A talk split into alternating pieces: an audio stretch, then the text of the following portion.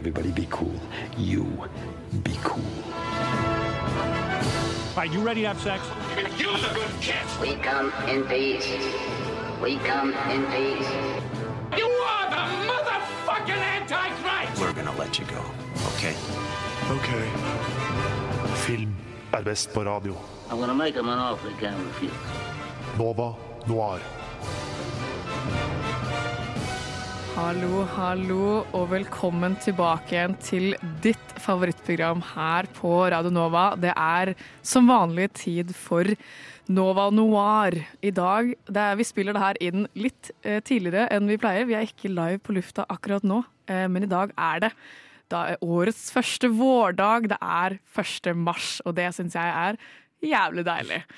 I dag så skal vi ha en litt annerledes sending enn det vi pleier. Vi pleier jo vanligvis å være tre fra vår redaksjon, men i dag så er det bare meg, Karin, som har fått besøk av vår kan man si, eh, kompisforening Cinema Nøff. Og i dag så har jeg med meg Henrik, eh, du heter så mye som Stangeland, Stangeland, stemmer det. og Vegard Gammes Vello. Hallo, velkommen. Hei, hei. Vil dere hallo, hallo. introdusere dere litt? Vi kan begynne med deg, Henrik. Ja, jeg heter Henrik. Jeg er leder for eh, filmklubben Cinema Nøff. Eh, En etasje under Radio Nova her. Veldig bra. Hva med deg? Ja, mitt navn er Vegard. Min eh, rolle i Sinmenef kan kanskje beskrives som attpåklatt. Deltakende medlem, som er det. Ja, jeg er med i mandagsredaksjonen. da. Jeg må bestemme hva slags filmer vi viser på mandager. Spennende. Vi skal eh, gå litt mer i dybden på hva Sinmenef er, og hvordan dere driver foreningen deres litt seinere. Vi skal også ha vanlig temasending som vi pleier, med litt horrorwestern. Jeg skal ikke si hvilke filmer det er enda, tise litt for dere som lytter. Men vi begynner jo som vanlig med vårt faste stikk Sett siden sist, men før det så får dere høre en låt. Sett siden sist. Sett siden sist. Sett siden sist. Sett siden sist. Sett siden sist.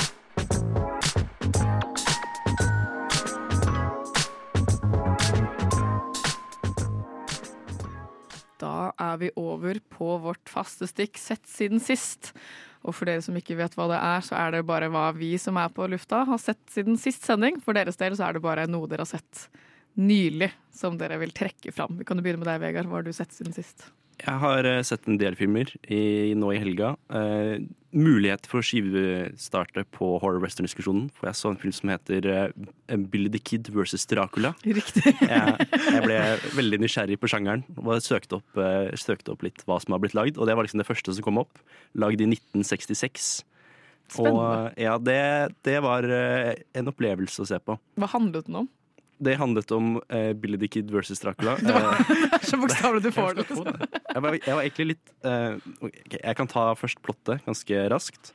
Um, Dracula er Han sitter i en sånn der hest og kjerre på vei et eller annet sted som ikke helt får vite. Og så, viser, og så er det en mann og en kvinne som sitter med ham, og så viser kvinnen et bilde av dattera hennes. Og Dracula forelsker seg jo med en gang.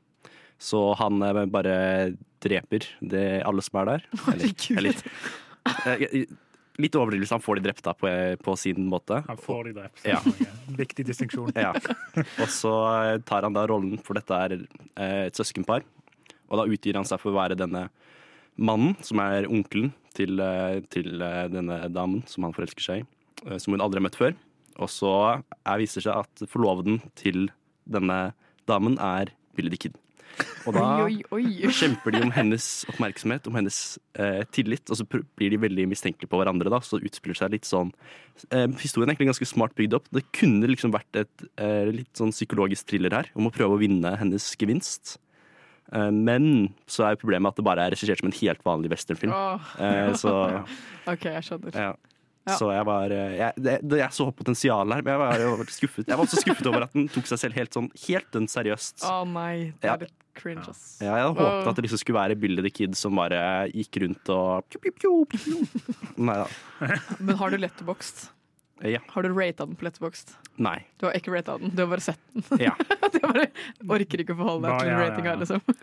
Jeg trykker på 'watched', og så vet jeg at jeg har sett Ja. den. Ja, Så ok. glemmer jeg det ikke. Jeg skjønner. Ja, jeg. Hva har du ikke. sett siden sist, Henrik? Eh, Jeg så White Noise av Noah Baumbach, og den mislikte jeg veldig sterkt. må jeg si. Ikke- Har noen, har noen av dere sett den? Nei, jeg har ikke sett den, men de som jeg kjenner som har sett den, har vært sånn Der var det dritt, ass. Og Ja, jeg Jeg, jeg ante ikke hva jeg, hva jeg gikk til i det hele tatt. Så bare begynte den, og så var Nei, det var Var det så dårlig? Rarest. Han, han prøvde på noe annet. Han prøvde på noen annen tone enn det han pleier å gå for, og det, det bare falt veldig flatt. Åh, hva handler det om? altså, Det handler om at det skjer et eller annet sånn toxic outbreak i, i en eller annen stat i USA. Med, med en sånn professorfamilie der patriarken er Adam Driver i en sånn snodig rolle. Men øh, det er bare, dialogen er bare så skrevet. Det er liksom Aaron Sorkin på syre, men bare, ja. Ikke, det er bare dårlig, da. Ikke bra. Så det var ikke, dere vil ikke anbefale noen av filmene dere har sett? Nei, nei, eh, nei ikke, ikke i dag. Nei. Det jeg har sett siden sist, jeg var på, på Vika kino og Ja. så After Sun. Den nye filmen med han Jeg husker ikke hva noen av noen heter. Jeg må uh, real quick søke opp regissør og sånn, sånn at dere lyttere får vite Dere vet sikkert. Men uh, det er regissert av Charlotte Wells, og så er det med eh, alles favorittperson fra eh, Normal People. Eh, Paul Mescal er jo hovedrollen i denne filmen. Si. Nei, det er helt lov. Uh, filmen er jo en slags uh, erindring av liksom, hennes barndom med hennes far når de var på ferie sammen. For filmen handler om Paul Mescal, som er uh, far, men i et skilt foreldreskap, eh, og har da en datter på elleve. Uh, Dattera bor stort sett hos moren, eh, men er med da faren på ferie. Eh, Så denne filmen er satt i Tyrkia, mens de er på en slags sånn all inclusive resort-ferie. Og det er egentlig en litt sånn trist slice of life, der man får se liksom, hvordan hun opplever faren sin, og hvordan han opplever dattera si. På et veldig sånn rått, nakent, eh, på en naken måte, da. Eh, og den er altså Skuespillerprestasjonen i denne filmen her er helt fantastisk. Hun jenta er jo født i 2010, så hun er jo tolv år når hun spiller. Eh, den kom ut i fjor. Ja. Eh, norsk premiere nå, det er 2023, verdt å merke. Men hun spiller kjempebra, og han spiller bare helt fantastisk. Jeg syns ikke storyen var så givende, på en måte. Så, det skjer ikke så veldig mye.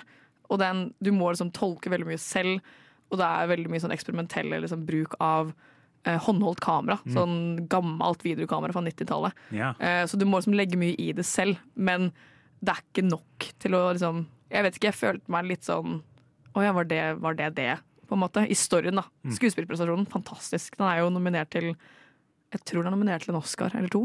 ja. Uh, hvert fall, Jeg tror den vant på Golden Globes. Altså, ikke ta Don't uh, Ikke si det her for, sure, for certain, ja. men jeg tror det. Uh, jeg vil jo anbefale dere å se den på kino. Jeg tror den kan bli vanskelig å se hjemme. Mm. Uh, og den går på kino nå, så hvis dere har lyst til å se den, så vil jeg jo anbefale det. Men forbered dere på at den er kan være flat for en del. Men det er sånn det blir. Ja. Vi skal nå videre i intervjuet vårt med Cinemanøff, og det blir veldig spennende, så får dere bli litt bedre kjent med Henrik og Vegard og foreningen deres.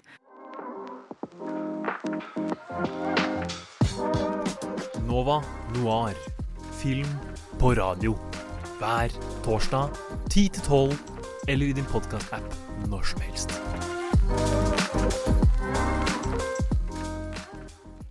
Vi har jo, som jeg fortalte litt tidligere, besøk av vår kompisforening Cinemanøff, med da Henrik og Vegard som representanter. Vi tenkte at dere lyttere skulle få bli litt bedre kjent med eh, Cinemanøff, og da dere to. Eh, dere får vel snakke for alle som er med i foreningen, men eh, det tror jeg går greit. Eh, vi kan jo begynne med hva er Cinemanøff? Ja. Eh, Cinemanøff er en filmklubb som viser filmer eh, tre ganger i uka. Helt eh, frivillig dreven. eh, Her i Lillesalen i andre etasje på Chateau Neuf. Hvordan var det Cinema Neuf ble, ble laget eller etablert? Jeg ble etablert i 1989 som Blindern filmklubb på campus på Blindern. Så flytta det her til tror det var 2002, eh, fra Sofus Lies auditorium. tror jeg Altfor massiv sal. Eh, flytta der til 2002 og bygde sin egen kinosal. da. Så det er, dere bygde Lillesalen? Ja, det ble bygd for eh, til dels, da. Altså, det er ikke bare vi som bruker den, men til dels for eh, Cinema Nøff. Det er der dere har eh, alle visningene deres? Eh, ikke alle, men de aller, aller fleste. Vi har et par samarbeidsvisninger rundt forbi. Vi har hatt i Storsalen til tider, vi har hatt utekino. Eh, men desidert den største brøkdelen er, i Lillesand. Så spennende. Hvor mange er dere som er med? Hva skal jeg si? Eh, altså, vi har en litt sånn organisk medlemsmasse, så det, noen er veldig med, og noen er bare litt med av og til. Eh, men jeg tror vi er rundt eh, 30-40 stykk, som er regelmessig, da. Og det med det frivillige, hva innebærer det? Er det hvor mye arbeid går det inn i foreninga? Ja, det kan vel du snakke om, Vegard. Eh, Ja, jeg, jeg kom inn nå til denne høsten, og jeg, jeg storkoser meg egentlig med det frivillige. Det er jo eh, i stor grad å bare møte opp og se film for det meste, men så tar man jo minimum av liksom tre, eh, tre økter på seg i form av frivillig arbeid, som da blir ofte billettsalg. Du kan maskinere, eller du kan eh, introdusere filmen. Når du sier maskinere, hva innebærer det? Det innebærer eh, å, å vise filmen. Jeg, jeg har ikke maskinert selv, så det er vel noe bedre Henrik kan svare Ja, på. ja, nei, Å maskinere er å operere våre 35 mm analoge kinomaskiner. da, som er, Vi er veldig stolte av at vi har to av de, som kan gjøre at vi kan vise film på den gamle måten. Det er en hel haug mer arbeid enn å sette på en Blu-ray, men det er òg veldig gøy. Du får en helt egen tilhørighet til visningen. da. Eh, Både som publikum og som maskinist. Så når du er maskinist, opererer du maskinene og jobber hele filmen. Hva vil du si, og hvordan opererer man det for de som ikke veit hvordan en maskin fungerer? Hva, okay, hva går får- inn i det? Du, du får eh, Filmen kommer i en svær boks bestående av typ seks akter, som vi kaller de, som er bare ruller med film. filmrull. Eh, og så må du da ta disse aktene ut av disse boksene på en spole. Denne spolen på maskinen. Maskinen må tres gjennom til en annen spole, og så kjører du gjennom den. Og mens du gjør det, så gjør du akkurat det samme for en annen maskin, og så må du switche det helt perfekt, sånn at det blir en eh, seamless transition. Men uh, det blir det ikke alltid. Hvordan, uh, hvordan er liksom stressnivået når du skal bytte spole? Det er ganske høyt, ass. Det er, altså, eller, ikke stressnivå, men adrenalinet pumper. Du liksom, hvis du får til en bra transition, ass, da det, du det, er få- det er få ting som er oppi der, altså. Lever du på en hel uke etterpå? Ja, ja, ja. Den, den holder meg gående til neste torsdag. Sånn dopamin-high. Ja, ja, ja. Men du nevnte jo torsdag, for dere har jo tre dager dere viser film på. Stemmer. Eh, hva er de, eller Hvilke tre dager er det, og hva er de forskjellige dagene? Eh, Så det er mandag, tirsdag og torsdag. Eh, Mandag er det jo eh, mer populære filmer, større filmer. Det er der vi har hatt horror western-tema eh, dette semesteret. Tirsdag er det smalere filmer. eh, Internasjonal kino. Filmer vi gjerne ikke har vist i Norge før. Og på torsdag er det eksklusivt på filmrull, så det er der maskinistene kommer inn i bildet. Selv om alle dagene kan vise på filmrull, så er det i hvert fall på torsdag. Absolutt. Mm. Og dere er mest aktive på mandager. Ja, for deg, din del, Henrik, også torsdag, da, siden du er maskinist. Mm. Men du er mest på mandager. Ja, så da blir det, det er, Vi har også litt behind the scenes-aktivitet, og det blir jo ofte å velge da, hva slags film vi skal vise. Og da er det ofte god stemning, møter, og så er det bare å kaste det ut. Og så er det ca. Nå allerede i mars så har vi gått over 100 forslag i Mandagsklubben, og det er langt mer enn det vi skal vise, så jeg misunner ikke jobben til eh, Terje, som er eh, mandagsredaktør, i å skulle begrense den, jeg. Riktig. Vi skal høre litt mer om hva slags type filmer dere velger og eh, programmet for resten av semesteret. Eh, men før det så får dere høre en liten låt. Du lytter til Nova Når. Vi skal bli enda litt bedre kjent med dere eh, og Cinema Nøff. Kan du begynne litt med hvordan blir man medlem? Ja, altså det er litt sånn Vi har som sagt en litt organisk medlemsmasse, så det er veldig vanskelig å si nøyaktig hva et medlem er, men det er også litt av det som er så fint, er at du kan komme og, og bidra på hva en måte en vil sjøl. Så er du et medlem. Og den enkleste måten å bli med, er bare å komme på en visning og si hei, jeg er interessert i å bli med. Og så kommer noen sannsynligvis til å dra deg med tilbake, ta en pils etterpå, eller ja, henge med deg, da. Er det, eh, for dere har jo, som du nevnte, Vegard, billettsalg. Er det at man betaler for hver enkelt film, eller kan man betale en slags sånn medlemskontingent i litt gåstegn for å liksom få sett resten av filmene? Ja, this is where the fun begins. Uh, for uh, vi har først så er det NFK-medlemskap, som man må ha for å være og se film på noen av alle norske filmklubber, er det vel? Og det var NFK for de som ikke vet hva det står for. Uh, Henrik, please, redd meg. Norsk Filmklubbforbund. Veldig bra. Ja. Takk. Så da har du det. Det gjelder for hele året. Hvor mye Og, koster det? Eh, Det kommer an på om du er student eller ikke, Mhm. men det er vel 60 kroner hvis Det er 50 kroner. for 50 kroner. Ja. Ja. Mm. Er det hvis du er student, eller? Det er hvis du er student. Ja, og hvis du ikke er student, så er det 50 kroner. 50 Det er 50 kroner. kroner uansett. Ja. Sykt. Det andre har studentpris. Ja, Så man, man begynner med da den, eh, de 50 kronene. Ja. Og så kommer eh, billettprisen, og den avhenger av om du er student eller ikke. Hvis du bare har lyst til å se film. Men hvis du har lyst til å være aktivt medlem av uh, Cinema da kan du uh, ta på deg da, en av uh, disse tre aktivitetene jeg nevnte tidligere. Du, uh, ja, det er det. Når du først er medlem, så, kan- så gjør du det, og da får du sett alle filmene gratis. Og hvis du ikke er uh, tar på deg en av de oppgavene, hvor mye koster en billett da? Da, hvis du har kjøpt NFK-medlemskapet, så er det, da har du 50 kroner. Og så er det vel eh, 40 eller 60 40 40 kroner en- for studenter, 60 for ordinært. For, for de fleste visningene, av og til sammen spesialvisninger, som koster litt mer. da. Så spennende. Og dere Mm. har jo et filmprogram som dere legger ut. Legger dere ut det? Ja. Eller, ja. Det ligger på både nettsidene og på Facebook og på Ticketcore for så vidt. hvis det er det. Og så har vi et fysisk programblad som en kan komme og plukke opp eh, her på Mm. Chateau Neuf. Og dere har jo, eh, som dere sa, de tre dagene med forskjellig type tematikk. Mm. Hvordan velger dere filmer til hele semesteret? Hvordan er den prosessen? Altså, det varierer vel litt. Du kan vel ta for mandag, Vegard? gjerne? Ja, vi, vi har en rekke møter da, gjennom semesteret, og så, og så har vi den forferdelig lange lista, som er full av veldig mange gode filmer, egentlig. Det er jo en sånn man bare burde notere selv, så man bare kan ha den på fritida, de som ikke blir valgt. Men uh, så blir det opp til lederen da, å prøve å ivareta alle, alles ønsker, prøve å, å la alle som har kommet med et ønske, få, få eh, kunne se en film som de har foreslått selv på det store lerretet. Så blir det ofte å prøve å flette inn litt sånn tema med de andre dagene, eller med med liksom andre organisasjoner, så vi kan få litt sånn som western horror, eller eh, litt andre kule ting, da. Hva er eh, det overordna temaet for dette semesteret? Eh, Vi har ikke et overordna tema for hele semesteret, eh, men eh, vi har en rød tråd da, som er at vi har kvinnelige regissører hele dette semesteret. eh, Som eh, vi ikke Vi prøver ikke egentlig å gjøre så stort poeng ut av det, men altså, har, folk har jo merka det, så da kan det jo erkjennes. Men uh, vi har bare et skikkelig solid program med bare masse skikkelig skikkelig bra filmer i forskjellige temaer da, på de forskjellige dagene. Hvordan velger dere film for eh, torsdagsredaksjonen? For torsdagsredaksjonen er det litt vanskeligere, for da må vi finne noe som er tilgjengelig på analog. Så da sjekker vi med Nasjonalbiblioteket sine lister, eller Norsk Filmklubbforbund sine egne lister, for de har lister over disse filmene. Hvis de er tilgjengelige, så sjekker vi om vi kan få rettighetene til disse filmene, og hvis vi gjør det, da kan vi sende en e-post, så blir vi sendt en eh, fysisk kopi, da. Spennende. Mm. Og hva er liksom den, eh, de beste filmene dere har sett før, som dere har vist i løpet av enten mandag eller torsdag eller tirsdag? For min Godt del, så ja, Jeg tror den beste jeg har sett på, på Sinnof, tror jeg må være Lahain. Ja. Eh, fantastisk Ja, film. ja, det er jo kjempekult om at bare ingenting skjer, og det er likevel sånn kjempe, kjempegripende å bare se på at ingenting skjer. Og så skjer det veldig mye på slutten, da. Men Ja. Hva med deg, Henrik?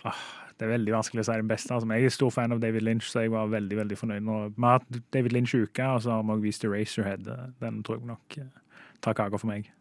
Og hvilke filmer er det som dere ser fram til da, dette semesteret? Med disse kvinnelige regissørene. Hva er sånn den filmen dere har mest lyst til å se? Det kan også være som har gått i løpet av Ja. semesteret allerede, for nå er vi jo ute i mars. Så det har vel vært en halvannen måned med film tidligere. Ja, ja. jeg gleder meg til eh, vi skal ha Koppelavik. Vi skal vise Lost in Translation, og så er det på tirsdagen Det er på mandagen. Og så på tirsdagen er det vel The Virgin Suicides. Og så Marie Antoinette på torsdagen. Ja. Og dette er eh, hvor lenge til, Henrik? Å, det vet jeg ikke, det, men det er om ikke så lenge, Ja. disse datoene. Men eh, ja, det blir veldig gøy. Ja. Jeg liker veldig godt Maria Nei, Sofia Coppola, men uh, skuffa over at vi ikke viser Bling Ring, Bling Ring, hennes beste film. Men ja, ja. Eh, jeg gleder meg veldig til Liz and the Bluebird, som er en fenomenal film som jeg har betalt litt ekstra for å vise. Og så må jeg òg nevne Paris is Burning, som jeg gleder meg kjempemye til å få sitte på, på lerretet. Så spennende. Da har jo dere lyttere også fått litt anbefalinger til hva Henrik og Vegard har hvert fall lyst til å se. Og så er det også mulig å da titte inn på både nettsiden til Cinemanøff, Facebook-siden og Ticketco. Det er også mulig å komme hit på huset på Chateauneuf og plukke opp en fysisk brosjyre med hvilke filmer som vises, med en liten, sånn, liten ingress på hva alle filmene handler om.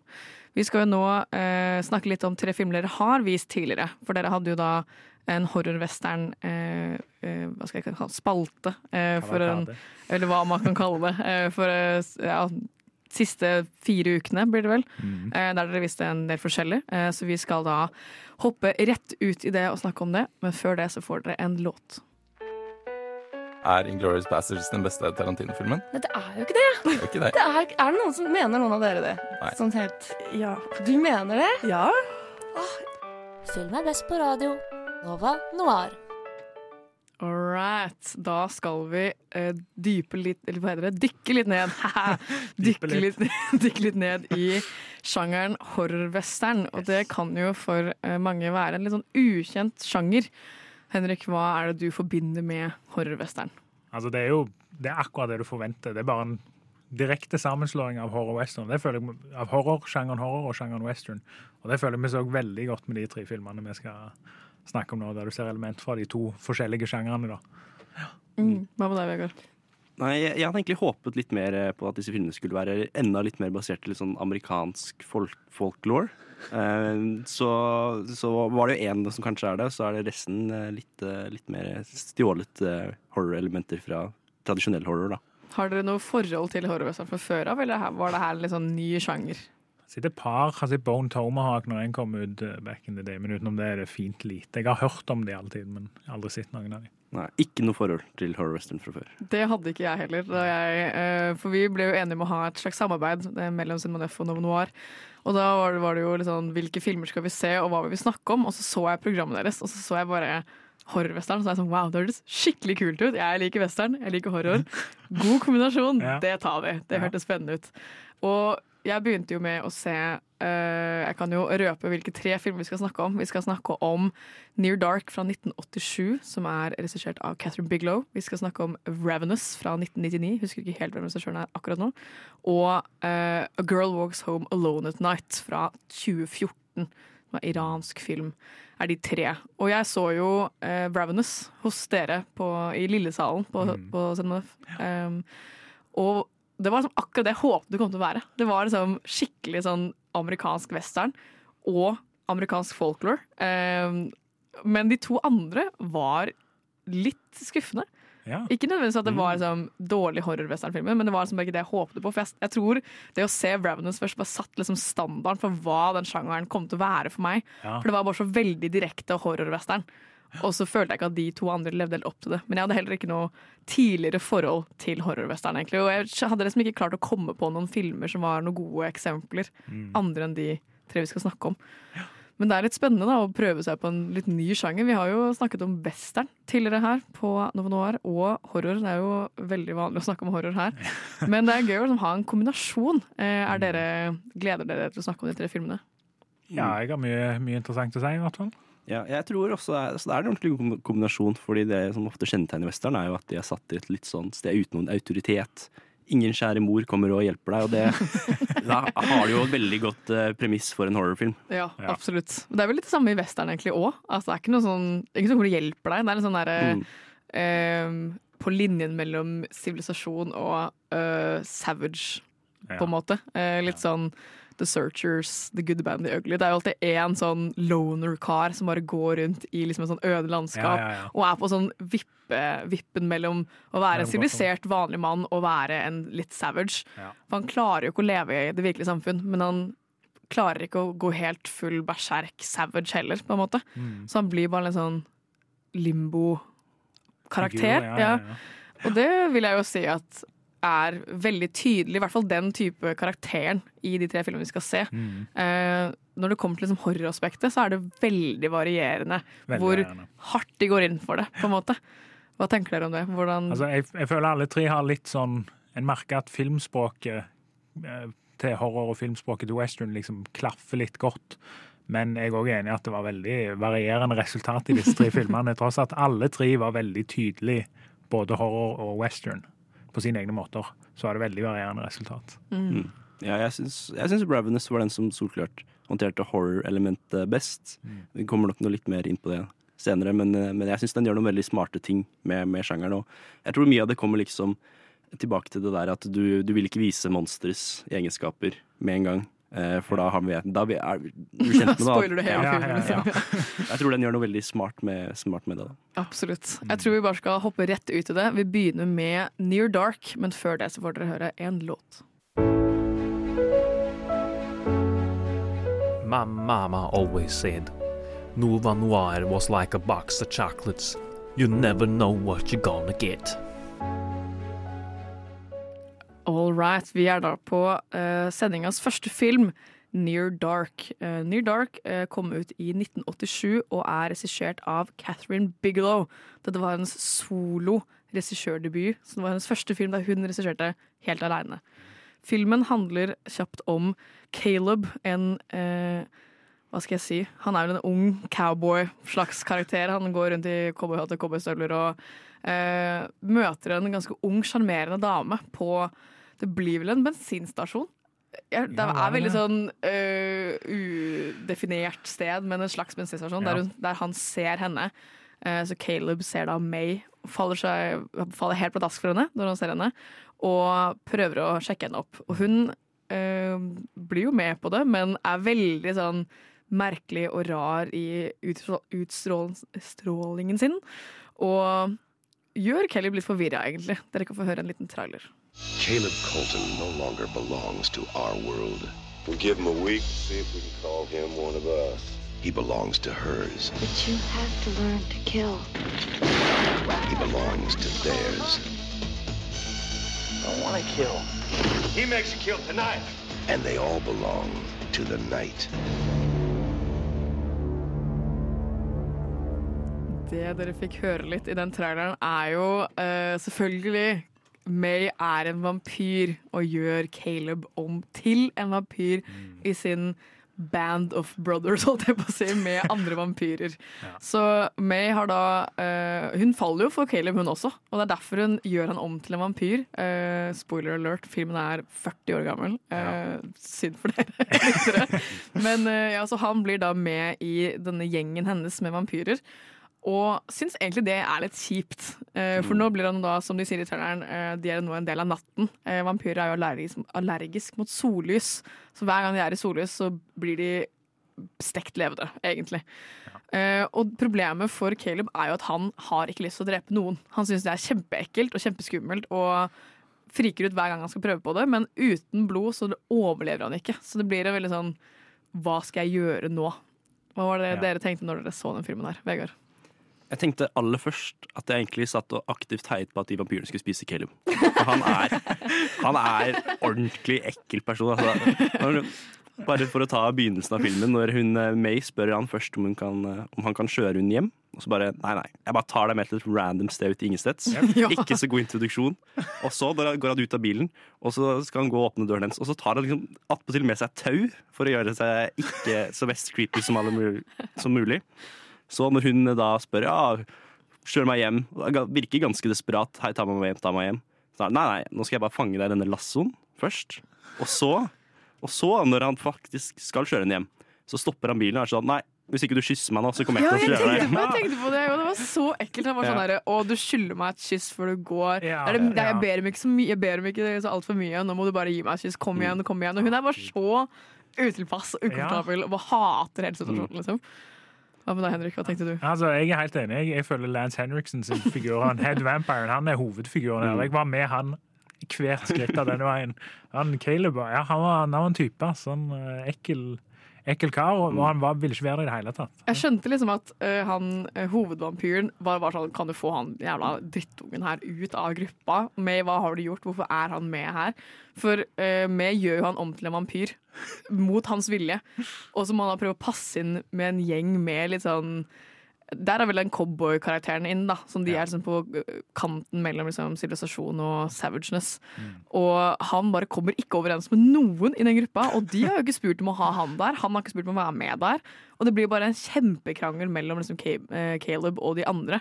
Og Caleb vil jo være vanlig menneske, så han får jo da faren sin og søstera si etter han, som prøver å hente han. Ja. Og så blir det da masse krangling mellom da Caleb og vampyrgjengen og Caleb og foreldra sine, og May er bare sånn 'Men jeg elsker deg, du må være med oss'. Nei, Hvis Caleb bare hadde vært en dårlig karakter, så kunne jeg liksom akseptert det. Men det verste er jo at på slutten av filmen, når han blir gjenforent med, med familien sin, så følte jeg ordentlig sympati med altså, Jeg følte at scenene med han og familien hans var ordentlig De føltes ganske ekte, da. Og, og da begynte jeg faktisk så jeg, jeg likte det, han i slutten av det filmen, men det irriterer meg at vi ikke fikk en eneste scene med han og familien hans før han ble kidnappa, som faktisk lot meg kunne verdsette den delen av karakteren hans, da, før han ble forsvant. Ja, altså, filmen gikk vanvittig fort, føler jeg. Altså, det var ingen, ingen sekund der Caleb hadde lyst til å være med disse vampyrene i det hele tatt. Han var med en gang sånn 'Nei, jeg vil hjem', og så kom han hjem til slutt. Og så bare 'Ja, OK, nå er jeg hjemme', og så kom de tilbake. Og så, ja. Det var ingen tvil i det hele tatt fra noen hold. Ja. Det jeg syns var veldig rart, var Ingen forklarte hvordan han ble liksom frisk igjen. Fordi han blir jo øh, Han er jo kjempedårlig hele tiden som er, vampyr. For han er i sola for mye, han spiser ikke noe nok mat. Han øh, bare, han bare råtner egentlig som en vampyr. Og så kommer jo faren hans og søstera og henter han basically etter litt sånn shootout med de vampyrene. Og så blir han bare lagt i en låve, og så får han noe intravenøst. Ingen vet hva det er, eller hvordan det skal funke, men han blir bare helbredet. Og så er han ikke vampyr lenger, og da går det helt fint. Hva, hvordan ble han bare frisk igjen? Du, du blir jo bare frisk fra dødelighet. Ja. Han var jo dødelig. Det var ikke poenget at det var eh, blod som kom fra Han fikk, han fikk blodet intravenøst fra en annen fyr, så da var det greit. Fordi han spurte jo faren sin Hey, do you know how to do a blood transfusion? Men- for han ville jo bare ha det fordi, for å overleve, men så viste det at det bare kurerte han òg, tydeligvis. Hvordan funker det, da? Det Ja, ja. Hvis han spiser det, så blir han mer vampyr. Hvis han får det intravenøst, så blir han antivampyr. Jeg bare skjønner ikke den logikken. Liksom. Ja. Kanskje Er det-? Er det noe sånn Antichrist-type bullshit? Sånn der en ren sjel helbreder en uren sjel-type mellom linjene? Jeg skjønner ikke. Og så Han øh, henter jo May, for May og Caleb er jo egentlig forelska.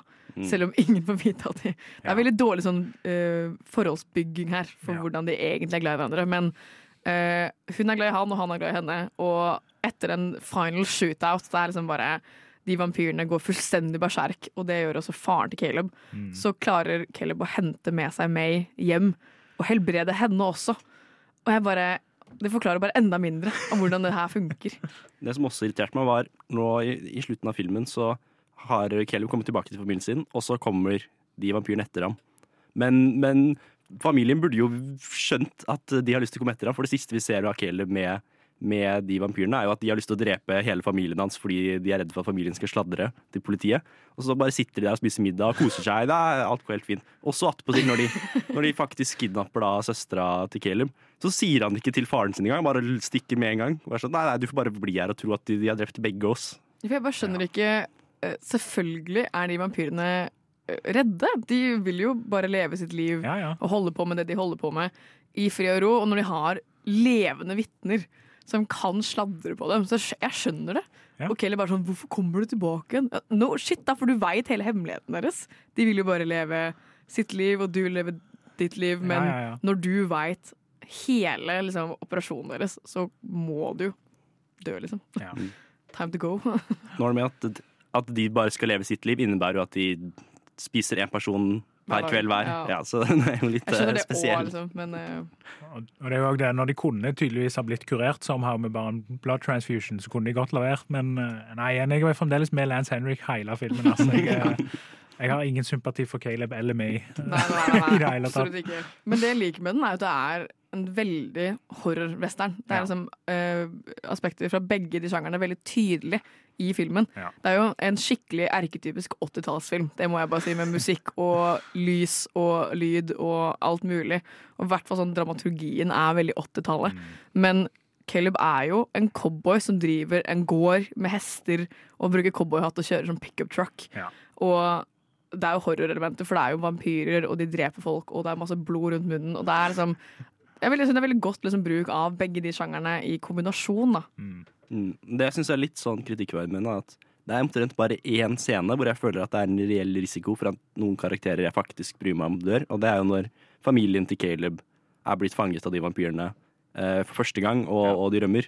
Og mens annet enn det så er det liksom ganske straight forward at ok, her kommer alle scener hvor det er risiko, er det ganske leselig da, hvordan det kommer til å ende. Så det er aldri noen ordentlige stakes. Ja, det er veldig forutsigbart. Annet enn eh, For det er i denne gjengen av vampyrer så er det en ung gutt på ti år, eller noe sånt. Anton. Eh, Anton, ja, som kidnapper lillesøsteren til Caleb, uten å vite at det er lillesøsteren hans. da For hun er seint ute på kvelden ved en sånn salgsautomat, sånn vendingmaskin, liksom. Ja. Skal kjøpe seg noe drikke eller en sjokolade eller noe sånt.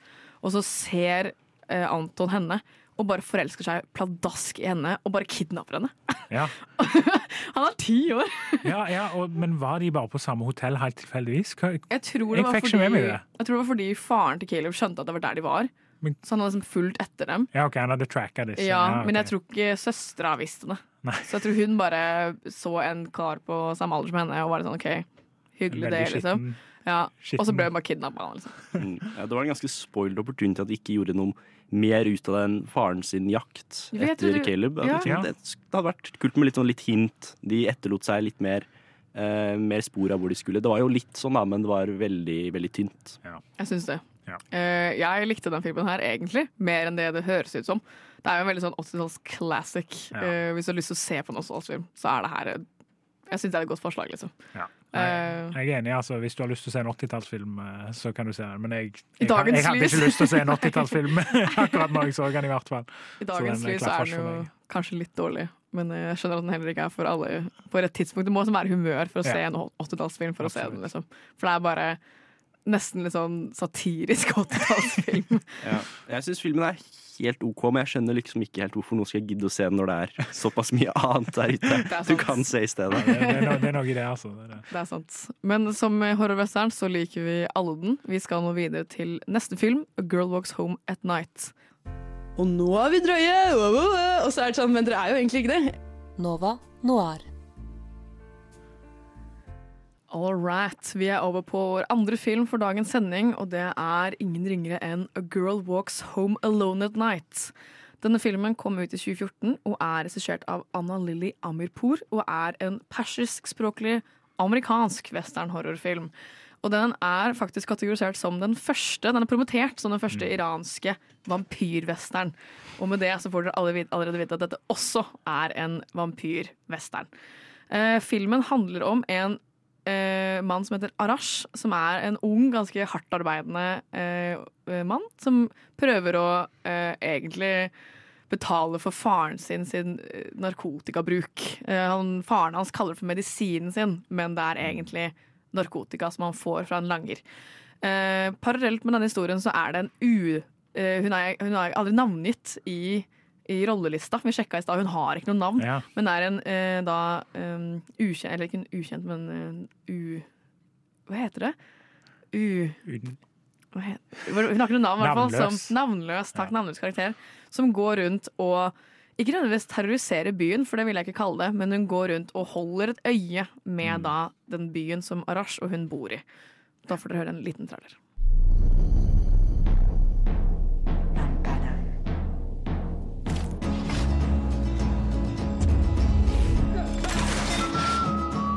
اگه الان یه دونه طوفان میومد یه دونه طوفان خیلی شدید. از پشت اون کوه ها.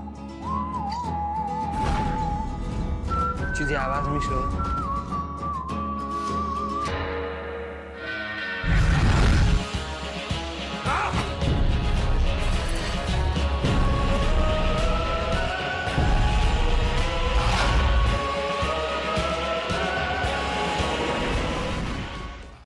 Yes.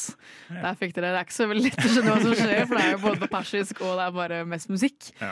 Men eh, det man finner ut, er jo at hun eh, navnløse eh, kvinnelige karakteren er en vampyr som går rundt og egentlig rydder opp i alle problemene i byen. Eh, for først så Det begynner med at Arash eh, eh, prøver å betale for faren sin eh, narkotikabruk. Eh, verken faren eller han har nok penger, så eh, han langeren tar da bilen til Arash. Og er så dritsur for det her. For han har jobba som han sier 2153 dager sånt, for å få råd til denne bilen. Og blir da bare fratatt den fordi faren hans er helt håpløs narkoman. Um, så uh, går langeren og kjøper en hore, basically. Uh, og ser denne vampyren i, i speilet på bilen sin og friker helt ut. For han er sånn, hva er denne mørk? For hun, vampyren går rundt da i en sånn mørk kappe, så hun ser bare kjempeskummel ut hele tiden. Eh, og lusker veldig mye rundt, sier veldig lite. Har en veldig sånn unaturlig måte å, eh, å te seg på. Um, og senere så møter han henne igjen, eh, denne vampyren, og tror at hun er en prostituert, hun også, så han tar henne med seg hjem, der hun eh, angriper han. Eh, begynner først med å liksom, forføre han litt, begynner å sutte han på fingra, før hun bare biter av han hele fingeren og dreper han. Eh, så det virker som om hun er der som en slags sånn, ikke superhelt, for det er veldig feil ord å bruke, men hun er der som for å liksom eh, utføre rettferdighet da, i byen. Hva tenkte dere når dere ja, så den? altså, det er jo veldig, veldig klassisk antihelt, som er veldig western trope å ha. Da, at du har en antihelt som eh, passer på litt og er litt sånn på kanten av loven igjen, som Absolutt. vi ser igjen. Eh, tør, på påstå drap ikke er lovlig. Det der vil jeg Men du, de har jo et poeng i det i filmen, at det skjer veldig mye sånne ting i denne Bad City, da, så den byen heter så fint. Mm. Ja, jeg tenker vi, bare, må- vi må bare anerkjenne hvor smart åpningsscenen i denne filmen er. For en av de første scenene de viser, er at han Arash går over en bro, og så ser vi litt som bare en sånn derre canyon, liten en. Ja. Og så ligger det bare en haug med døde kropper der. Ja, det er bare da- masse lik. Ja, og da har du bare etablert med en gang at liksom, det her er en westernfilm hvor det ikke er noen autoriteter som kommer og plukker opp og holder orden og renser opp døde kropper. Her går det, Hvis du blir drept, så er du fucked, basically. Ja. Og det er jo eh, flere drap i den filmen som da blir utført av denne navnløse vampyren. Hun, eh, det virker som hun har en slags sånn sjette sans på å bare vite når ting skjer. For hun dukker bare opp på litt sånn tilfeldige steder. Det er jo en ung gutt som også er eh, ganske viktig karakter i filmen, som er med i åpningsscenen. Han som spør Arash om bilen hans. Sånn, 'Å, den bilen den var fin, altså. Hvor mye kosta den?' liksom.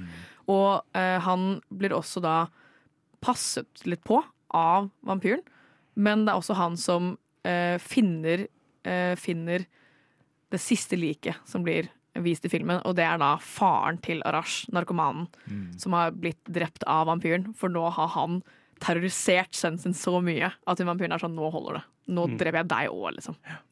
Ja, jeg vil bare nevne Jeg syns første halvdelen av denne filmen er utrolig bra lagd. Den er veldig minimalistisk i forhold til dialogen, men gjennom å vise at eh, hun vampyren hun, hun dreper én moralsk eh, ikke så hyggelig fyr gjennom den doplangeren, så har du, begynner du å liksom vekke den derre OK, går hun etter bare slemme folk, men når hun lar barnet gå, så skjønner du liksom OK, her er det, hun har et moralsk kompass. Og så samtidig så etablerer de An Arash som både en sånn sympatisk karakter gjennom hans slit med å betale for farens gjeld, men også som en moralsk utydig karakter. Han, er jo, han jobber jo hardt, men samtidig så stjeler han jo et par eh, Hva heter det sånn du har i øra? Sånn som- Øredobber. Øredobber, det var det. Eh, han stjeler et par øredobber fra en sånn rik familie, og han tar selv og begynner å lange dop etter å ha stjålet dopen til han doplangeren som dør, da. Ja, for han går jo til leiligheten til eh, doplangeren eh, for å ta et oppgjør med denne bilsituasjonen. Og han finner da doplangeren død på gulvet og titter litt rundt og ser en koffert full av dop og penger og bare tar den med seg. Så han begynner som en veldig sånn moralsk riktig fyr, og så vipper bare kompasset hans i helt feil, feil retning. Og så blir han han blir liksom den cowboykarakteren på liksom vippen mellom sivilisasjon og uh, savageness, sånn som hun vampyren er. da. Så de, de blir liksom hverandre utover i filmen. da. Men jeg er enig med deg, Vegard, at jeg liker også første halvdel veldig godt. Andre halvdel så for min del dabler litt av.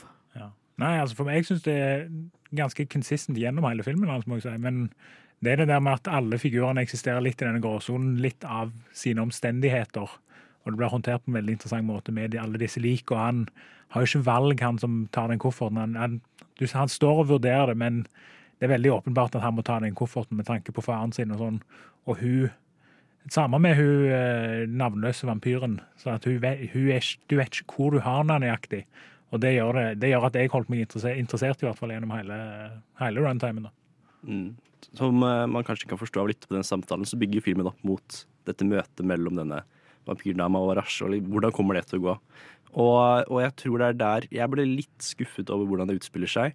For når man først, først så ser man jo de møtes i en sånn bakgate, og uh, Arash har gått seg vill og er egentlig ganske sjarmerende og hyggelig mot hunden, og, og man ser liksom at hun faller litt for hun. Og jeg føler etter det, den scenen, også en annen enn når hun tar han med seg hjem, og de bare er de har god S, god stemning. Um, så, så opplever jeg ikke noe fare lenger. Jeg er ikke noe redd for at Arash kommer til å dø. Jeg føler at det, det er ikke noe som kommer til å skje. Det jeg har tenkt litt på, er Det var uh, veldig spennende det du sa uh, om uh, du, Hedrik, med dette moralske perspektivet til alle karakterene. For det er jo veldig realistisk at de er litt både og. For det er jo veldig menneskelig å ha både moralske og umoralske sider som man, spiller, som man da utøver etter hvert. Det er jo ingen som er helt rene eller helt onde, eller gode eller onde. Det er jo alltid en slags bølge der det går litt opp og litt ned.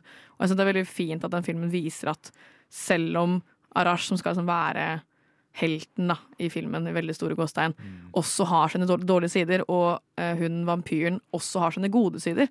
Og det virker jo som om Arash på en måte menneskeliggjør eh, hun navnløse, på en måte, for hun skjønner jo at livet er mer enn å bare gå rundt og drepe eller gå i skyggene. Mens han skjønner jo også at han har ikke sjans til å gjøre det her aleine hele tiden heller. Så de blir et slags lag med å menneskeliggjøre hverandre og hjelpe hverandre til å være mer gode enn onde, da. Mm. Ja, du, du har alltid den interessante Det er en interessant scene som skjer der hun navnløse bare går hjem og hører på musikk. Mm. Og det er jo en sånn veldig spesiell scene da, som jeg ikke forventa å se i filmen når jeg begynte. Eh, Som jeg satte pris på, fordi det viser at hun er ikke hun er ikke bare et sånn monster som bare går rundt og ikke helt vet Det virker som hun er litt konflikter med dette. her da. Jeg syns hun var en veldig interessant figur, men, men det skal være sagt, så føler jeg det er fremdeles en veldig tydelig sjangerfilm. Absolutt. Og det er det jeg synes han er Vi diskuterte det litt etter vi så filmen på sin manøff, at eh, det føles litt ut som en film Tarantino har lyst til å lage, men kanskje ikke helt har kapasiteten til for, for å dra det der. Men eh, ja, så. Det er vel En ting som er verdt å peke ut med filmen, er eh, hvor mye tid den bruker til å bare bli og eksistere i scenen scenene dens. Jeg søkte opp etterpå, litt bare plot summarize, for jeg tenkte over ja, Det skjedde egentlig ikke så altfor mye i filmen, og det er en veldig få konkrete ting som skjer, men den, den, det funker likevel å filme det, denne handlingen på, med den runtime den har. da. For den lar deg Den blir veldig stemningsfullt, og den gir deg litt tid til å tenke over denne konflikten som vi nå diskuterer, når du sitter og ser filmen. Absolutt. I motsetning til type uh, Near Dark, som vi også snakket om, så der skjer det ting hele tida. Og jeg sleit med å holde, med å holde med, mens her så skjer det nesten ingenting. Men jeg var liksom revet med gjennom hele filmen. da. Så Mm. jeg syns det var bra western sånn, så er det veldig sånn seig western-vibe. Det syns jeg var mye mer uh, det jeg håpte horrorwestern skulle være. Ja. Det er jo ikke eh, direkte en cowboy og ødelandskap og hester og pickup trucks og sånn. Det er jo veldig sånn mellom linjene western mer. Eh, men det er jo de samme type liksom, erketypene som det er en western. Og det er liksom Ikke at det er så mye horrorpreg, men jeg skvatt flere ganger under filmen, for hun navnløse dukker bare opp helt sånn plutselig. Og jeg syns de har gjort den linja mellom western og horror veldig bra. da. Jeg syns de har klart å kombinere det på en veldig bra måte, men ikke sånn klisjé. Det er ikke sånn at jeg bare er sånn å herregud, nå kommer det en kar i cowboystøvler og ha-ha, lol, howdy, liksom. Mm. Jeg syns de har gjort det på en veldig smakfull måte. Ja, absolutt. Og så har du veldig den der kulturclashen som er veldig interessant å se på med disse iransk film. og Satt i, fortalt med veldig amerikansk språk, sånn fordi horror og western historisk sett er jo amerikanske filmspråk. Eh, så det, jeg syns det var skikkelig interessant kulturelt sett. eh, En, en interessant sjangerfilm, for du ser veldig få eh, ikke-engelske western generelt sett, Mm. eh, i motsetning til, til engelske. da. Det var, jeg syns det var veldig fint. En annen ting med filmen som er ganske kult, synes jeg, er at dette er en svart-hvitt-film, og jeg føler at her funker det utrolig bra at det er svart-hvitt. For da, når, en morsom ting med, med at du har en vampyrfilm og at du gjør den svart-hvitt, er at da føles det som det alltid er natt, og det alltid er eh, karakteren er under fare. Da. Du øker den, den farefølelsen ved å ha den i svart-hvitt. Absolutt. Jeg likte også veldig godt at det var svart-hvitt. Det la liksom til et ekstra, en, en sånn ekstra dimensjon i alle karakterene. Fordi hun, hun navnløse blir så mye mørkere enn det hun egentlig er, for hun er i en svart kappe. Hun står alltid i liksom, skyggedelen av framen, og det liksom Det at det er svart-hvitt, gjør også alle konturene og liksom, ansiktsuttrykkene deres mye tydeligere og mye mer effektfulle for de som ser på. Eh, Så det aspektet var veldig, likte jeg veldig godt. Det ble veldig store gode kontraster med, med disse skyg skyggebrukene. var veldig bra. Visuelt sett veldig god film. Absolutt. Det her er vel mer en film vi hadde anbefalt framfor uh, Near Dark. Vi skal videre til siste film for kvelden. Kvelden, sier jeg. For sendinga. Lol. Jeg blir inspirert av det svart-hvite her. vi skal videre til siste film for sendinga. Alle tre, og så kommer Edmund og bare What the fuck?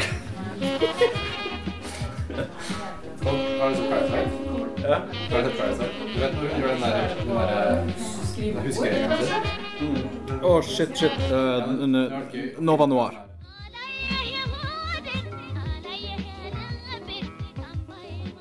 Vi er nå over på sendingas siste film, som er ingen ringere enn Ravenous fra 1999. Ravenous er regissert av Antonia Bird. Det var ikke eh, hun som opprinnelig regisserte filmen. Det var vel en mannlig regissør, tror jeg. Oh, ja. Men som havnet i så mye kreative diskusjoner med skuespillerne at Robert Carlyle anbefalte Antonia Bird fra et tidligere prosjekt de hadde sammen. Filmen er da med Guy Pearce og Robert Carlyle i hovedrollene, og handler om Guy Pearce, som er en eh, hva, Han er vel en kaptein En løytnant er han. Andreløytnant Boyd, som han heter. Som har eh, kjempet i den eh, amerikanske borgerkrigen og var leder for et kompani. og gjorde det egentlig skikkelig dårlig. Jeg skal være ærlig. Han gjorde en skikkelig dårlig jobb, frika helt ut. Lata som han hadde dødd, og bare forlot hele kompaniet sitt.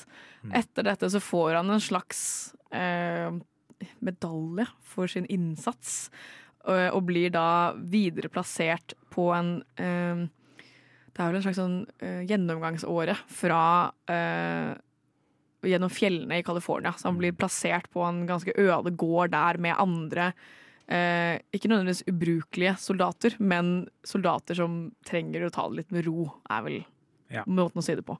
Så han blir da plassert der og skal jobbe der eh, sammen med de andre soldatene. Og en kveld så dukker det opp en kar som nesten har fryst i hjel, som ber om hjelp til sine problemer. Her får dere en trailer. Sending you to California, Fort Spencer. Captain John Boyd is about to discover No one just ends up at Fort Spencer. We come for a reason. Indian scout told me a curious story. Winged eagle. It's an old Indian myth from the north. Man eats the flesh of another. He absorbs the other man's strength. Yes. Fort Spencer er dette stedet som Guy Pearce ender opp i. Og som dere kanskje har hørt fra traileren, så han mannen som dukker opp, påstår jo, det er da Robert Carlyle, som han påstår at han eh, prøvde å reise for å søke lykken i California med da eh, eh, reisefølge. Eh, de havner i en gigantisk snøstorm og blir da eh, stranda eh, midt oppe i fjellene i California. Så kommer han da etter tre måneder reise og basically fangenskap i naturen til Ford Spencer og ber om hjelp og påstår at den kapteinen de reiste med, har spist alle de andre, og han er den eneste som har klart å slippe unna. Og de er helt sånn Oi, en militær fyr som har spist de andre, det er jo ikke bra. Vi, kan, vi må hjelpe deg. Det er en dame i følge. Hun dama er på nippet til å bli spist. Vi må hjelpe han stakkars frosne mannen her. Det de ikke innser, er at de blir lurt trill rundt av Robert Carlisle sin karakter. Og det er han som har spist alle de andre i kompaniet, og har da blitt en Vendigo. Og en Vendigo er da en gammel Native American myte, der den som spiser en annen manns kjøtt, får da sine sår helbredet, men blir da for evig forbannet med da denne kannibalistiske lysten. Jeg må bare si at denne første tvisten som blir, eh, som blir gjennomført, er bare Den er helt fantastisk. Ja, jeg så det ikke komme i det hele tatt. Ja. Og det er, det er med en gang etterpå så bare innser du sånn Å, fader, nå er de i ordentlig trøbbel. Og, og bare, det er så utrolig bra jobb i å etablere at han Robert Carlar han er ikke en idiot. Han er en utrolig ressursfull og, og smart og klektig person som klarer å gjennomføre det her. Og du bare innser med en gang Å, fader, de er i ordentlig, ordentlig trøbbel med en gang, de er, med en gang den tvisten er revealed. Ja, og så Den sekundærtwisten som kommer seinere, er at når han kommer tilbake og er in the flesh, at det var han som var generalen hele tida. Ikke bare at det var han eh, stakkarslige som hadde spist alle, men at han var generalen. Den holder de så jævla lenge etterpå. Det er helt Ah. fantastisk. Jeg digget det. ass. Det var Jeg må bare se hva karakteren hans heter. Ja. Jeg ble litt uh... Ives. Ives. Hives er det. Ives. Ives. Ives. Sorry, ikke ja. hives, for det betyr utslett. Ja. Jeg vil, det, er, det er bare én ting, sånn, en ting som irriterte meg litt, eller ikke litt, bare det irriterte meg egentlig ganske mye etter den twisten ble pult off, og det er musikkbruken i filmen. Jeg husker vi snakka ja. om det her eh, Ja, sammen etterpå. Dere likte det litt, men Jeg likte det ikke. Jeg syntes det var skikkelig teit. Ok, men akkurat Du har denne fantastiske scenen hvor du bare Ives er utenfor denne hulen som jeg kommer til, med et par andre i kompaniet. Og så er Boyd og en annen villmann ah, i kompaniet inne i hulen. Og, og så blir twisten revealed, og så begynner han Ives å angripe de som er utenfor. Og, da, og han, Først så dreper han sjefen, og så begynner han å jage den andre fyren opp i skogen. Og Det er liksom ordentlig spenning. Det her er sikkert den beste scenen i filmen. Fantastisk. Og så kommer det sånn der Looney Tunes-musikk Ja. som bare dreper all spenningen og stakesene i hele stedet. Jeg skjønner ikke hva de tenkte akkurat der. Nei, det er sånn Benny Hill-musikk. bare Ja, ja. Du blir kicket inn og jager han rundt i skogen der. Det var, Men, men også, jeg vil si det at det var den eneste gangen jeg ikke likte musikken. Men generelt sett i filmen så var det veldig bold swings med musikken. Og det satte jeg pris på, men akkurat den traff ikke i det hele tatt. Nei, det er vel uh, Damon Auburn fra Stemmer. ja. Gorillaz og Blur som har laget musikken til den filmen her. Og det er jo for så vidt kult, det. liksom. Ja. Det er jo mange uh, musikere som blir filmkomponenter etterpå. Eh, jeg var personlig ikke the biggest fan. Det var bedre enn Jeg så jo There Will Be Blood, og der er det han fra Radiohead som har laget soundtracket. Og det var dritt. I'm sorry. Jeg skjønner ikke, jeg digger det. soundtracket. jeg syns det her var bedre. Ja, ja. Men det, jeg var veldig uh, glad i den filmen. der. Jeg syns den var skikkelig ordentlig bra. liksom. Uh, og det har mye å gjøre med hvordan de portretterer uh, Boyd, eller Guy Pearce. Ja. Han begynner jo med Jeg skjønner jo liksom at han gjorde det han gjorde under borgerkrigen, og blir egentlig sånn allergisk, av mangel på bedre ord, mot menneskekjøtt. For han ligger jo da nederst i en sånn tralle med døde mennesker. Og får liksom bare blodstrømmen av en død fyr i ansiktet og i munnen. Og blir bare helt traumatisert. Når han får denne medaljen for sin eh, contribution ja. for, i borgerkrigen, så får han bare en gedigen sånn T-bone steak Ja. på tallerkenen, og han klarer ikke å se noe annet enn rått kjøtt. Mm. Og får helt panikk. Og så, eh, etter at da eh, Ives eh, har røpt han er en Vendigo, og dreper da én etter én i det kompaniet, så er jo da Boyd den siste som er igjen. Og han er jo bare sånn nei, jeg skal ikke bli drept, jeg stikker av, jeg løper vekk. Og havner da i en slags sånn ansikt-til-ansikt-kamp med Ives på en klippe. Og hans løsning på dette her er å hoppe ned fra den klippen. Og detter og detter og detter og ruller og triller. Og det bare, han bare slår seg sånn inn i helvete og detter ned i en sånn slags felle som Ice har satt opp før i skogen. Og knekker låret. Ja. Eh, Så han knekker låret, sånn at hele beina hans stikker ut av, av huden. Han, er bare sånn, jeg synes jeg satte pris på det, fordi ingen detter så langt uten å få fatale skader. Og han havner der sammen med en annen som har dødd, Ja. eh, som er en i kompaniet hans. Og siden han veit at Ives er en Vendigo, og at eneste måten han overlever på, er å bli en Vendigo selv, det syns jeg var så sykt bra, for han Ja. går bare imot alle instinktene sine og er sånn OK, jeg kan ikke ligge her nede for alltid. Jeg ligger 15 meter under bakken. Jeg har knekt låret mitt ut av huden. Jeg kommer til å dø hvis jeg ikke gjør noe. Og så bare går han imot alle instinktene sine og blir en Vendigo selv. Og jeg syns det var jævlig fett. Ja, ja, jeg synes det var drittbra. Han ligger der også. Han ligger der kjempelenge. før Han ligger der flere dager, ja, så liksom. bare til slutt bare Jeg vet, jeg må spise denne her duden jeg ligger på sida av. Han, eh, jeg glemmer ikke skuespilleren etter, men jeg syns det var skikkelig gøy. Og det var så uforventa når han hoppet. Det Ja, var, ja, ja, Den stuntpersonen som gjorde det, altså, det var solid. Mm, Jeg tror også det er verdt å legge ved her at det som er så fantastisk med akkurat den delen av filmen, er at vi vet ikke helt ennå hvor begrensningene til han Vindigoens eh, evner går. Så for alt vi vet, kan når Boyd ligger nede i hullet, kan hende at han Vindigoen har, eh, eller Ives, har eh, superluktesans og klarer å lukte seg ned til dem. Eller liksom. kjempehørsel, så Ja. kan høre han hele tiden. Mm, Ja, så, det er jo så du vet liksom ikke helt hvordan det går, og så må, tenker du i tillegg Han må jo komme seg tilbake til den basen hvor resten er. Så For det er jo liksom- ikke, alle reiser jo ikke ut for å finne denne hulen. Det er jo Mm. bare et par av dem som reiser ut, så uh, Boyd ender opp med å bli en Vendigo.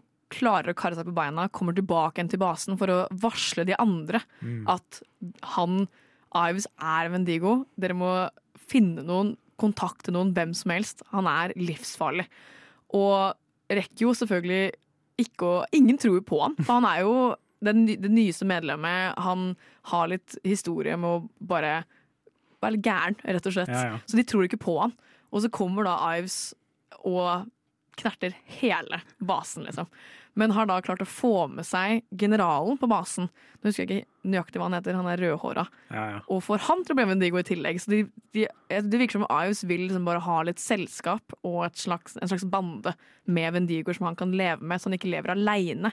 For det virker som han har levd aleine litt for lenge og bare trenger litt selskap. Ja. Og Jeg synes det er gøy med han eh, generalen som ble konvertert, for han du bare Plutselig skjønner du at da er det to av dem, og så viser det seg at det var generalen fra tidligere han blitt konvertert. Mm. Så er han en Vendigo og snakker med Guy Pearce i to minutter, og så ombestemmer han seg. Og det, Han er det sånn skjedde- Vær så snill, drep meg. Jeg Drep meg, drep meg nå.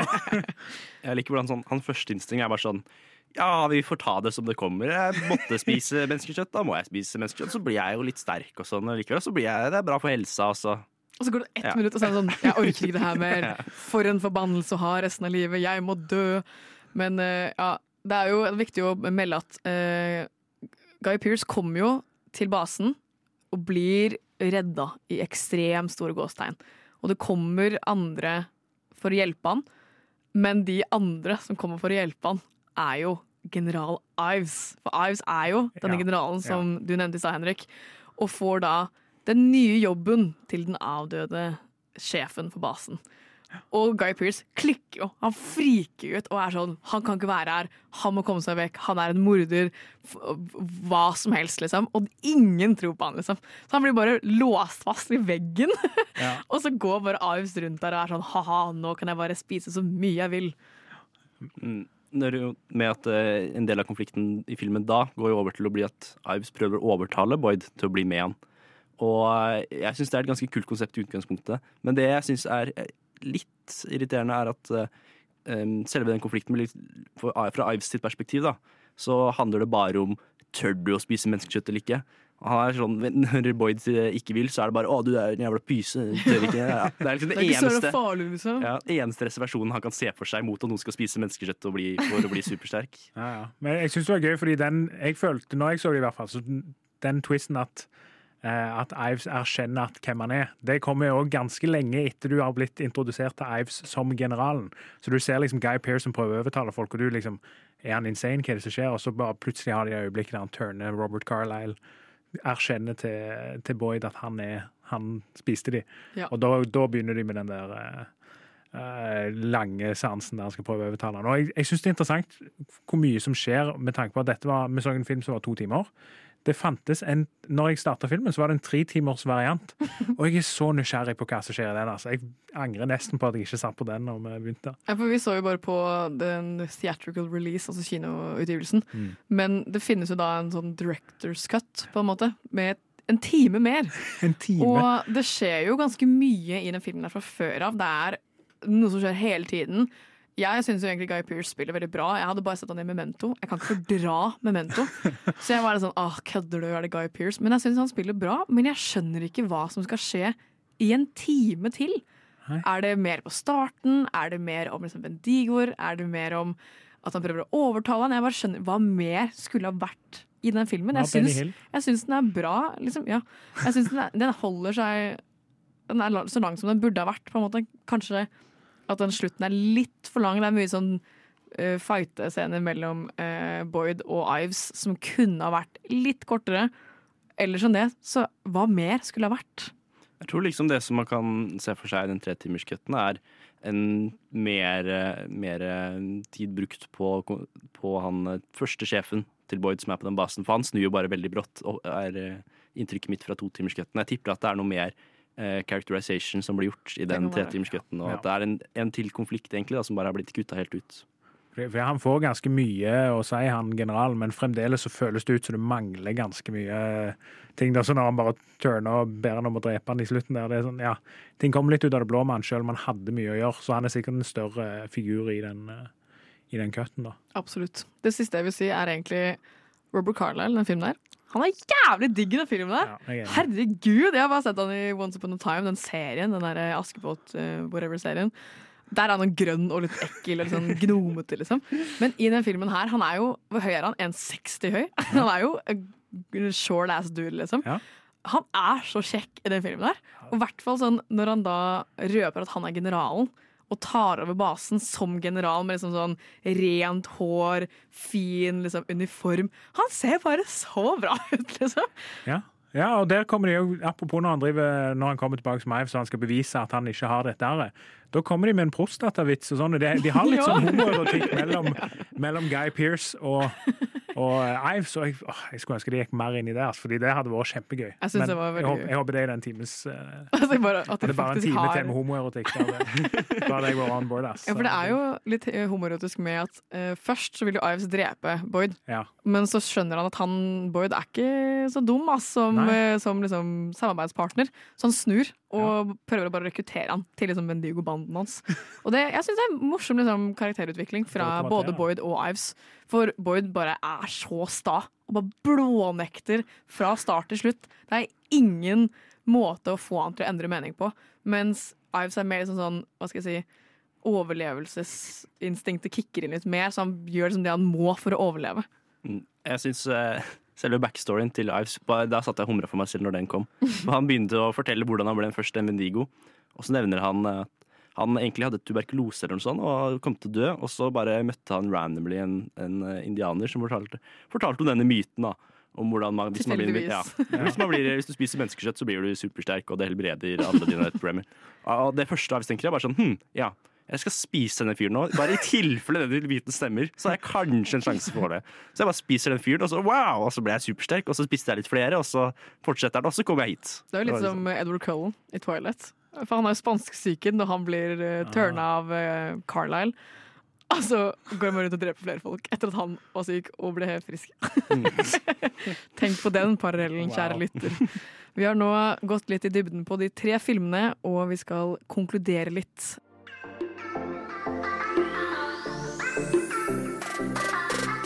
Du lytter til Nova Noir her på Radio Nova.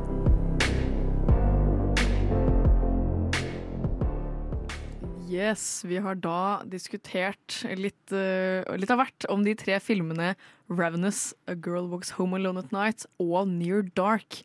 Hva tenker dere om disse, sånn konkluderende sett? Jeg føler eh, Ravenous var den som uh, fanget meg mest. Det var, jeg følte det var ordentlig spennende å følge med hele veien. Og jeg visste egentlig ikke Jeg hadde ikke fått med meg sjangeren eller noe som helst om filmen før jeg kom inn. og sånn. Og, og liksom først tenkte jeg ok, kanskje det er en militærfilm om at det er der vi starter. Og så havner du ute i gokk, og så ok, kanskje de skal gå på det blir sånn redningsoppdrag, er det det handler om når han Ives først dukker opp. Og så eh, kommer den første tvisten, og så tenker du OK, hele filmen kommer til å være at jeg er ute i skogen og prøver å drepe han. Og så ender det opp med å tviste igjen om at uh, Ives er, blir sjefen for denne basen, og så må Boyd, uh, Boyd bli der. Det er bare sånn hele tida blir det kasta nye ting på deg. Og det aller meste av de vendingene da, funker ordentlig bra, og det er, er bygd opp. Ja, jeg er enig. altså Det er definitivt Ravenous som stakk ut for meg. og Det var også veldig uforventa. Skikkelig bra film. Jeg var liksom helt med etter ti minutter. bare, nå var jeg med her. Så den og, den og Girl Walks Home Alone at Night tror jeg er de som stakk ut for meg. Den er litt mer stilistisk sånn. Jeg likte veldig godt å se på den, men jeg, jeg har tenkt mye på Ravenous der siden jeg så den. Ja, altså. Ja, Near, Near Dark ikke så mye. nei, jeg så også Ravenous først eh, med dere eh, på Cinemanef, og det var mitt, liksom, min introduksjon til sjangeren og den beste av de tre vi har snakket om. Jeg bare, jeg så den og var helt sånn wow, dette var det sykeste jeg har sett. Dritbra. Den var så bra at jeg la den inn i liksom, mine topp fire filmer på Letterboxd. For man kan ha sånn, På Letterboxd så har man en egen profil, og da kan man liksom highlighte fire filmer som man syns er de beste. Eh, og det kan man jo endre på så mye man vil, men jeg syns den var så bra at jeg måtte legge den inn som min, min favoritt. Og jeg, bare, jeg likte også A Girl Like Someone Alone Tonight, men det er mer en sånn kunstfilm. Eh, jeg syns det er lettere å anbefale folk Ravenous framfor de to andre. De to andre er veldig sånn humørfilmer. Du må se dem i et visst humør, hvis ikke så blir det litt vanskelig. Jeg syns Ravenous er noe man bare kan sette på, og så tror jeg alle kommer til å like den, eller i hvert fall sette pris på den. Jeg synes det er morsomt å tenke på nå at vi har eh, sett tre filmer som handler om å spise andre mennesker. At det er liksom det western horror har eh, blitt eh, boiled down to. Det er mye Også- kannibalisme. Ja, og så I tillegg så kom jo min uh, Billy the Kid versus Dracula, som også var en vampyrfilm. Så det er jo det er mye, mye det. Jeg hadde håpet litt mer på sånn andre, litt andre amerikanske myter. Ja, og altså det, jeg vil si det med Ravenous også igjen, at den var minst sjangerrette av disse, følte jeg. da, av, av de vi så. Near Dark var veldig western, eh, 80-talls western vibes. Uh, Girl Walks Home at Night spiller veldig på western horror. Mens Ravenous var bare en drittbra film. Sånn, jeg tenkte ikke så sinnssykt mye over sjangeren, selv om du ser mye kjennetegn hvis du liksom ser etter det. Men jeg, bare var sånn, jeg var bare helt med i filmen hele tida. Jeg syns den er på en måte det beste forslaget jeg har for en horrorwestern, uten at den er direkte en horrorwestern. Det er jo en øh, Det er jo liksom på et sånn halvsivilisert sted de er på. Eh, Alle karakterene er sånn mellom sivilisasjon og ikke-sivilisasjon. Og, og det er jo veldig mye mer blod og gørr i den her enn i de to andre. På milevis, liksom. Det er jo bein som stikker ut, armer som blir kuttet av, folk som blir fanget i som bjørnfeller. Det er så mye gørr og blod og sånn. Men jeg syns det bare passer så sykt bra i den filmen der. Ja, det, det det ble liksom, Den verden er bygd opp såpass autentisk, mens de andre var litt mer stiliserte, følte jeg. da. Det, det gjorde at ja, jeg, jeg digget Ravenous. ass. Den er, den er en solid, uh, solid film. Mm. Jeg lurer litt på, mer på hva som er i sjangeren. eh, og Jeg, jeg satt og tenkte på det her i, for et par dager siden og bestemte meg for å søke opp litt. Å se på liksom hva andre amerikanske myter der ute. Og det er liksom Bigfoot er en, en som jeg tenker Det er, det er stort uttappet potensial der. Så jeg søkte litt videre og fant en liste over top ten Bigfoot-movies. Oh og uh, nummer seks okay, Bare for å si eh, En film som på en måte highlighter hvor dårlig de fleste filmer om Bigfoot er, er at nummer seks på den listen er The Man Who Killed Hitler and The Man Who Killed Bigfoot. Er det tittelen? Ja, det er, det er noe sånn. Jeg, det var litt. Å, herregud. The Man Who Killed Bigfoot and Hitler, tror jeg den er. Eller noe sånt. Jeg tror da konklusjonen på uh, horrorwestern er at det kan være veldig bra, og så kan det være jævlig dårlig. Det kommer helt an på hvilken side av horrorwestern du ender opp i. Ja. Uh, fra vår del så er anbefalingene våre uh, i hvert fall Ravenous og A Girl Walks Home Alone at Night. Near Dark er jo for et spesielt 80-tallshumør, men allikevel en bra film. Ja. Og jeg syns vi har hatt en god og givende diskusjon. Vi skal si ha det bra om litt, men før det så får dere høre en låt. Fra ende til annen intenst. Nova Noir. Da er vi ved veis ende for dagens sending. Det har vært veldig hyggelig å ha dere på besøk her, i hvert fall. Henrik og Vegard. Hvordan syns dere det har vært?